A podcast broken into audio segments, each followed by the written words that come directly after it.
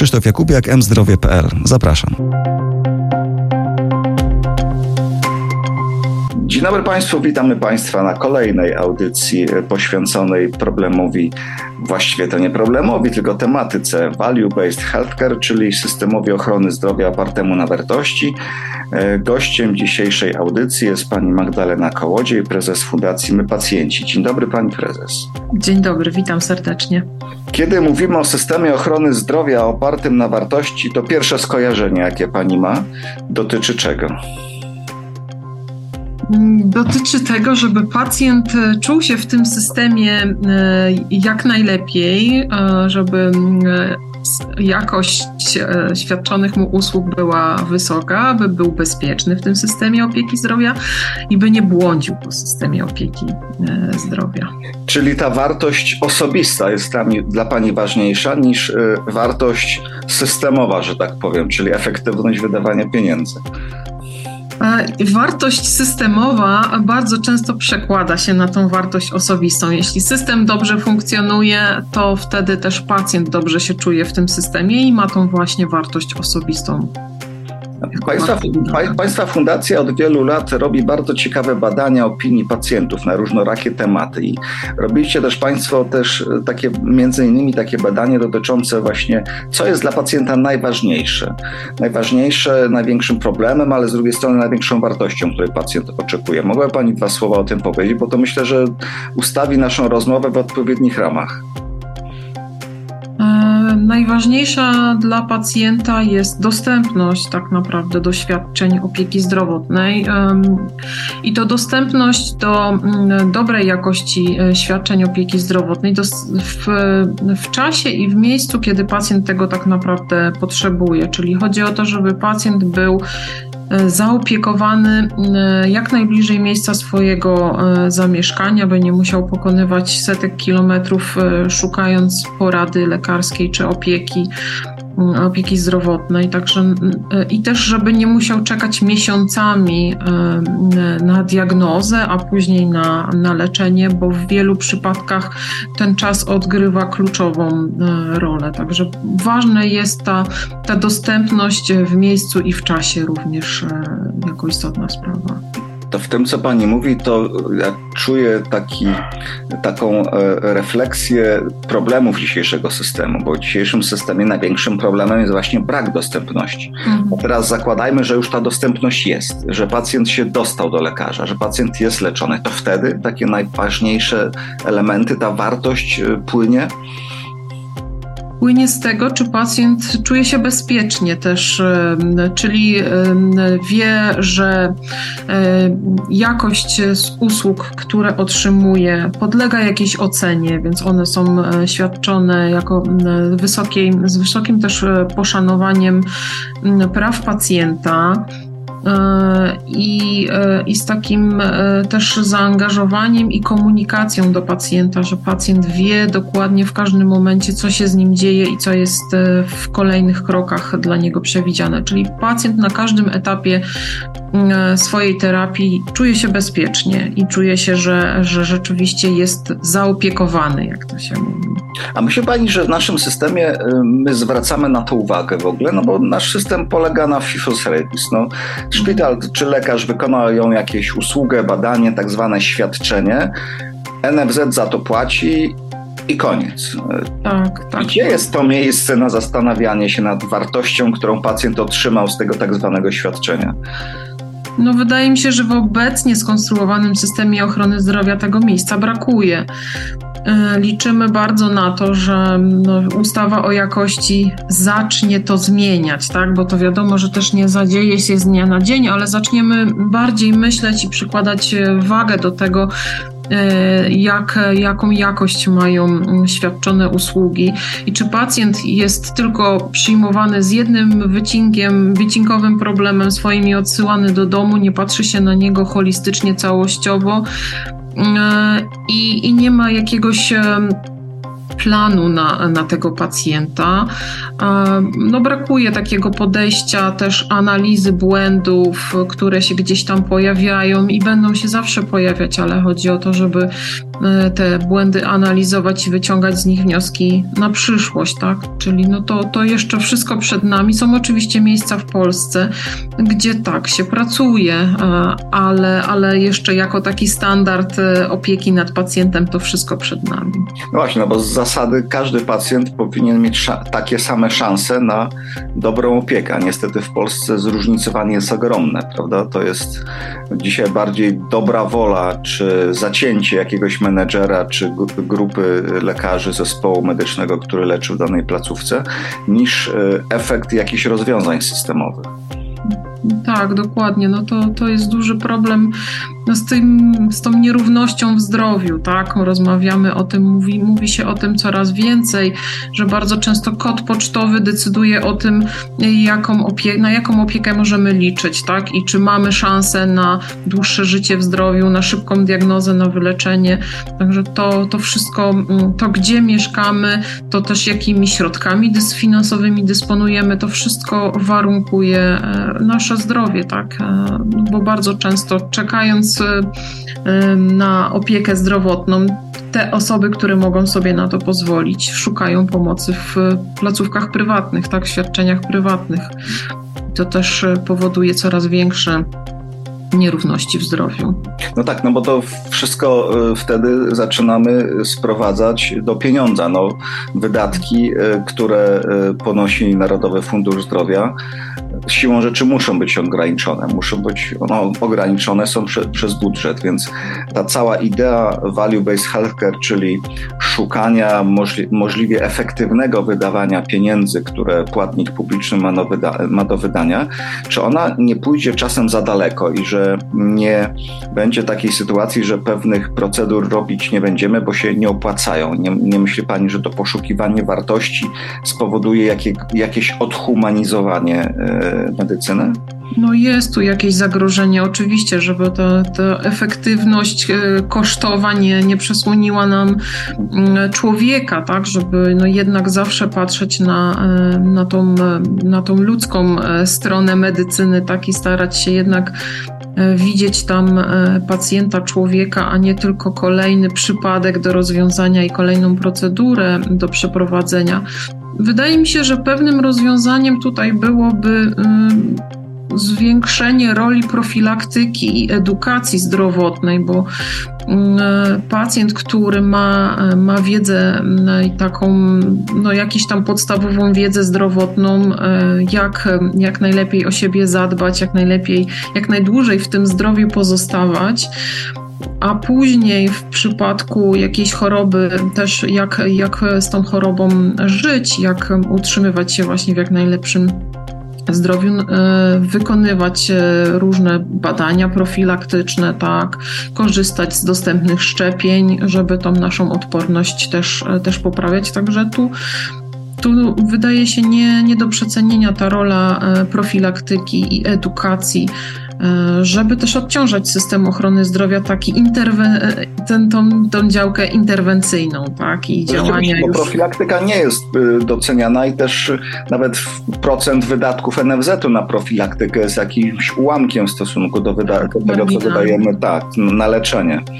A czy, y, czy Pani zdaniem y, organizacje pacjenckie w ogóle powinny się zajmować tym problemem efektywności wydatków? No bo ja też zawsze mam taki dysonans, bo to jest czymś w rodzaju tego samoograniczania się. No, pacjenci, my, jest, ja jestem pacjentem, pani reprezentuje organizację pacjencką, no my jako pacjenci powinniśmy się domagać po prostu ile można i nie przyjmować do wiadomości, że czegoś się nie da, że na coś nie ma pieniędzy, że na coś kogoś nie stać. No tak, oczywiście. rolą, rolą też organizacji jest oczywiście no, mm, gdzieś tam dążenie do tego, żeby system był e, lepiej dofinansowany, ale też efektywniej zarządzany, żeby te środki rzeczywiście były mądrze wykorzystywane, bo wiadomo, że, że ten budżet jest ograniczony, więc też no, chodzi o to, żeby te środki mądrze, mądrze, mądrze wykorzystywać i też no, włączając organizację pacjentów, e, czy do oceny, jakichś tam jakościowych, czy też do edukacji właśnie, czy do, do informowania pacjentów o różnych, różnych rozwiązaniach. No, na pewno, na pewno powinno mieć miejsce i to dużo, dużo bardziej niż w tej chwili to jest wykorzystywane. No właśnie, ocenia Pani, że organizacje pacjenckie mają już odpowiednie miejsce w systemie, czy jednak wciąż za mało?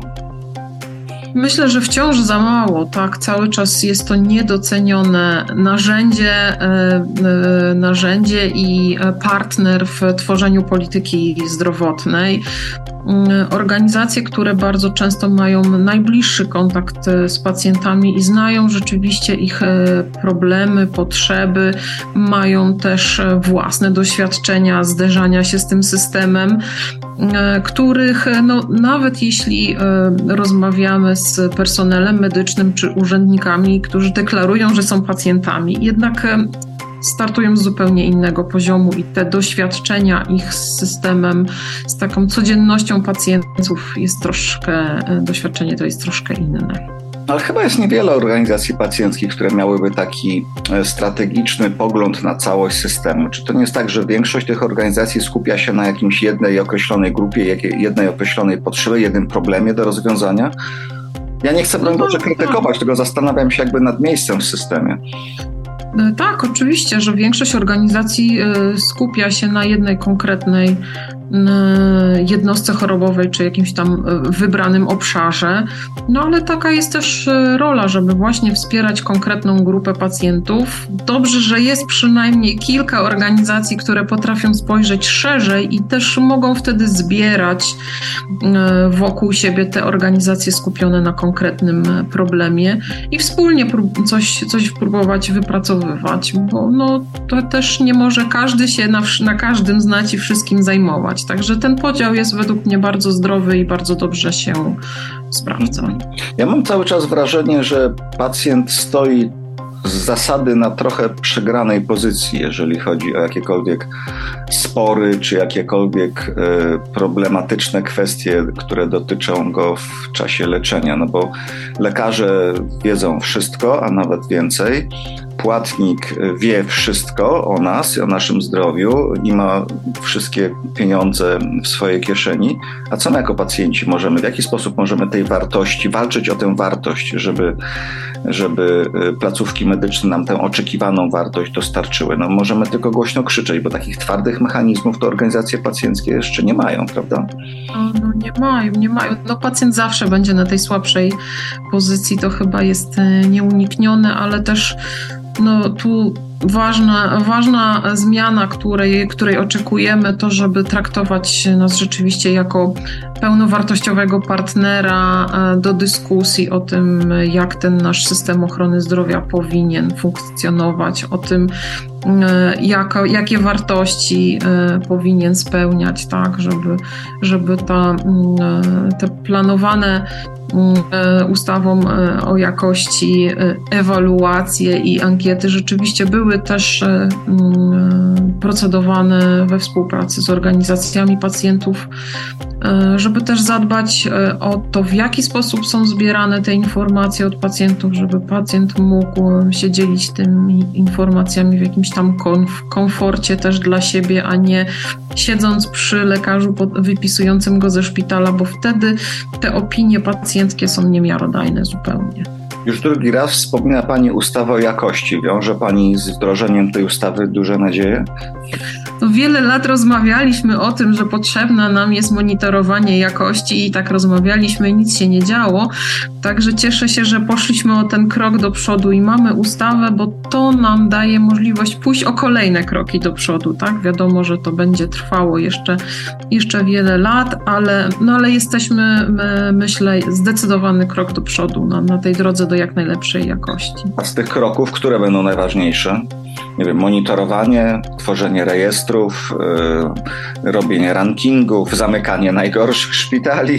Co, co jest najważniejsze? Myślę, że tak. No z naszej perspektywy i to też e, wychodziło nam w badaniach, pacjenci oczekują, żeby powstawały takie rankingi yy, jakościowe i żeby pacjenci mogli sobie sprawdzić, który szpital yy, świadczy naj, usługi najwyższej jakości, gdzie jest najmniej zakażeń szpitalnych, gdzie, gdzie naj, najkrócej się czeka, już będąc w szpitalu, na jakieś procedury, tak, żeby, żeby też to zarządzanie pobytem w szpitalu i czasem spędzonym przez pacjenta w szpitalu było jak najbardziej efektywne, bo jeśli pacjent trafia do, szpitalu na, do szpitala na jakąś planową procedurę i czeka 2-3 dni na badanie, które jest niezbędne do wykonania te, takiego zabiegu, no to to świadczy o, o, słabej organizacji e, e, tej placówki, więc to są ważne informacje dla pacjenta,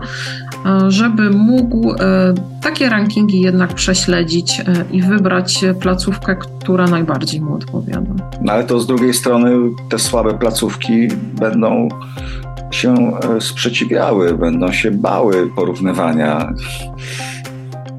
No na pewno, ale to chodzi o to, żeby te słabe placówki jednak dążyły do podnoszenia swojej jakości, a myślę, że tylko w taki sposób, kiedy będą się porównywały, e, mają szansę też wychwycić miejsca, które wymagają poprawy porównywanie wymaga zbierania danych, czyli te mityczne rejestry, które są jak potwór z Loch Ness. Wszyscy o nich mówią, ale mało kto widział w naszym systemie.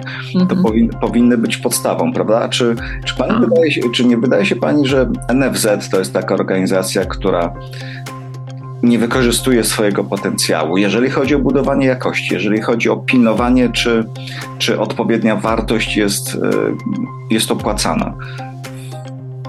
Zdecydowanie, no danych zbiera się już mnóstwo w systemie, tylko brakuje gdzieś tych mechanizmów analizy i wyciągania wniosku, tak? Także no, to na pewno wymaga poprawy i to jak najszybciej, żeby te, te wszystkie dane, które gdzieś tam są zgromadzone, które są właśnie w NFZ-cie, można było z nich wyciągnąć wnioski i, e, i coś dobrego z tego zrobić. Gdybyśmy, gdybyśmy mieli wskazać te obszary systemu ochrony zdrowia, w których y, stosunkowo prosto czy stosunkowo szybko można byłoby wdrożyć takie rozwiązania oparte o wartość, czyli płacenie za efekt leczenia, płacenie za jakość. Myśli Pani, że są właśnie takie obszary, w których byłoby to łatwiejsze w porównaniu do innych? Bo ludzie w takim, e, znaczy eksperci zwykle wskazują na onkologię, zwykle wskazują na choroby rzadkie, na takie e, na takie miejsca, gdzie stosunkowo łatwo jest obliczyć, czy jakaś terapia przynosi skutki. Mhm. No, prawdę mówiąc, nie, nie, nie myślałam o tym e, w ten sposób. No pewnie onkologia rzeczywiście, bo to jest taka E, też taki obszar, gdzie... Mm, taki trochę zero-jedynkowy. Tak, zero-jedynkowy, dużo też procedur różnych się pojawiło, tak, mamy tam koordynatora, mamy te karty DILO, ścieżki różne i tak dalej, więc przeanalizowanie tego wydaje się, wydaje się chyba najprostsze w tym wszystkim, chociaż mi, jak tak o tym myślę, to przyszło mi do głowy jednak podstawowa opieka zdrowotna i, i nowość, jaką mamy, czyli opieka koordynowana, gdzie też jest ogromny potencjał tego, żeby te wszystkie dane zbierać i analizować i sprawdzać też na przykład co by mnie interesowało, ilu pacjentów udało się przesunąć z opieki specjalistycznej pod opiekę POZ-u e, i, i, i nie muszą e, czekać w tych okrutnych kolejkach wielomiesięcznych do specjalisty, ale jednak są e, pod opieką swojego lekarza w podstawowej opiece zdrowotnej, który tak naprawdę za nich albo wspólnie z nimi organizuje konsultację specjalistyczną w razie potrzeby. Także to tu wydaje się takie rozwiązanie, e, które moglibyśmy wykorzystać. Czyli mówimy o, czyli mówimy o tej koordynacji, tak? która już tak. zaczęła się tam w różnych miejscach systemu pojawiać, najpierw w rodzaju pilo, jako pilotaże, a teraz jako już takie projekty opieki koordynowanej.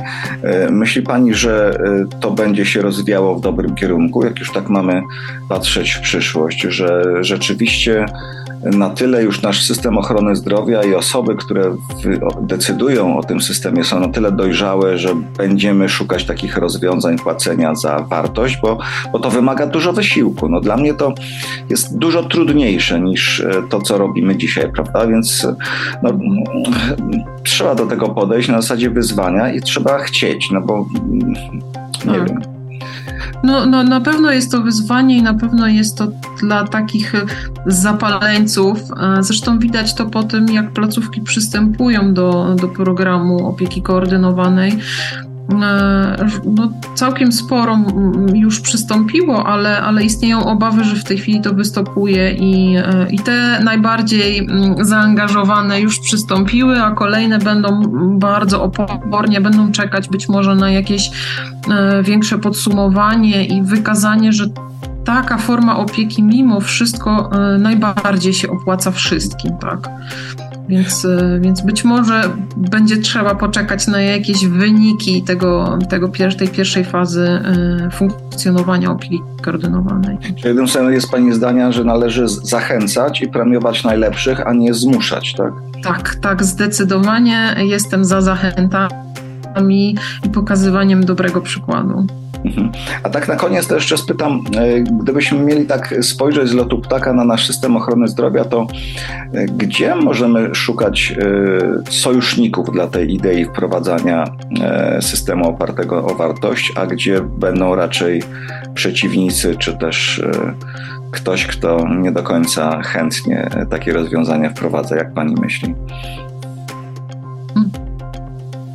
No, myślę, że sojusznicy to będą osoby takie, które mm, posiadły jakąś większą wiedzę na ten temat, tak? Bo y, no, naj, najbardziej obawiamy się zawsze tego, czego zupełnie nie znamy, tak? Wszelkie nowości, to, to obawiamy się e, wprowadzenia tego.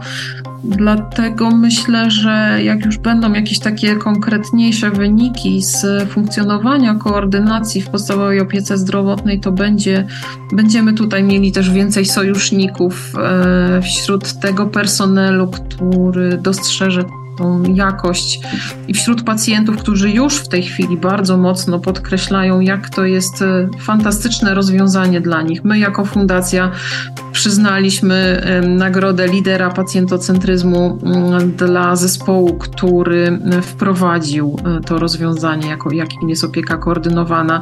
Wiem, że Polskie e, Stowarzyszenie Diabetyków Polskich również przyznało takie wyróżnienie za opiekę koordynowaną w diabetologii. Także pacjenci bardzo mocno doceniają to rozwiązanie i, i pojawiają się kolejne wyróżnienia, nagrody i głosy pochwały ze strony pacjentów. Także myślę, że takie docenienie najpierw pójdzie od strony pacjentów, e, i później zrozumie też większa grupa mm, personelu medycznego i kierownictwa placówek, e, że to jest rozwiązanie, które służy wszystkim.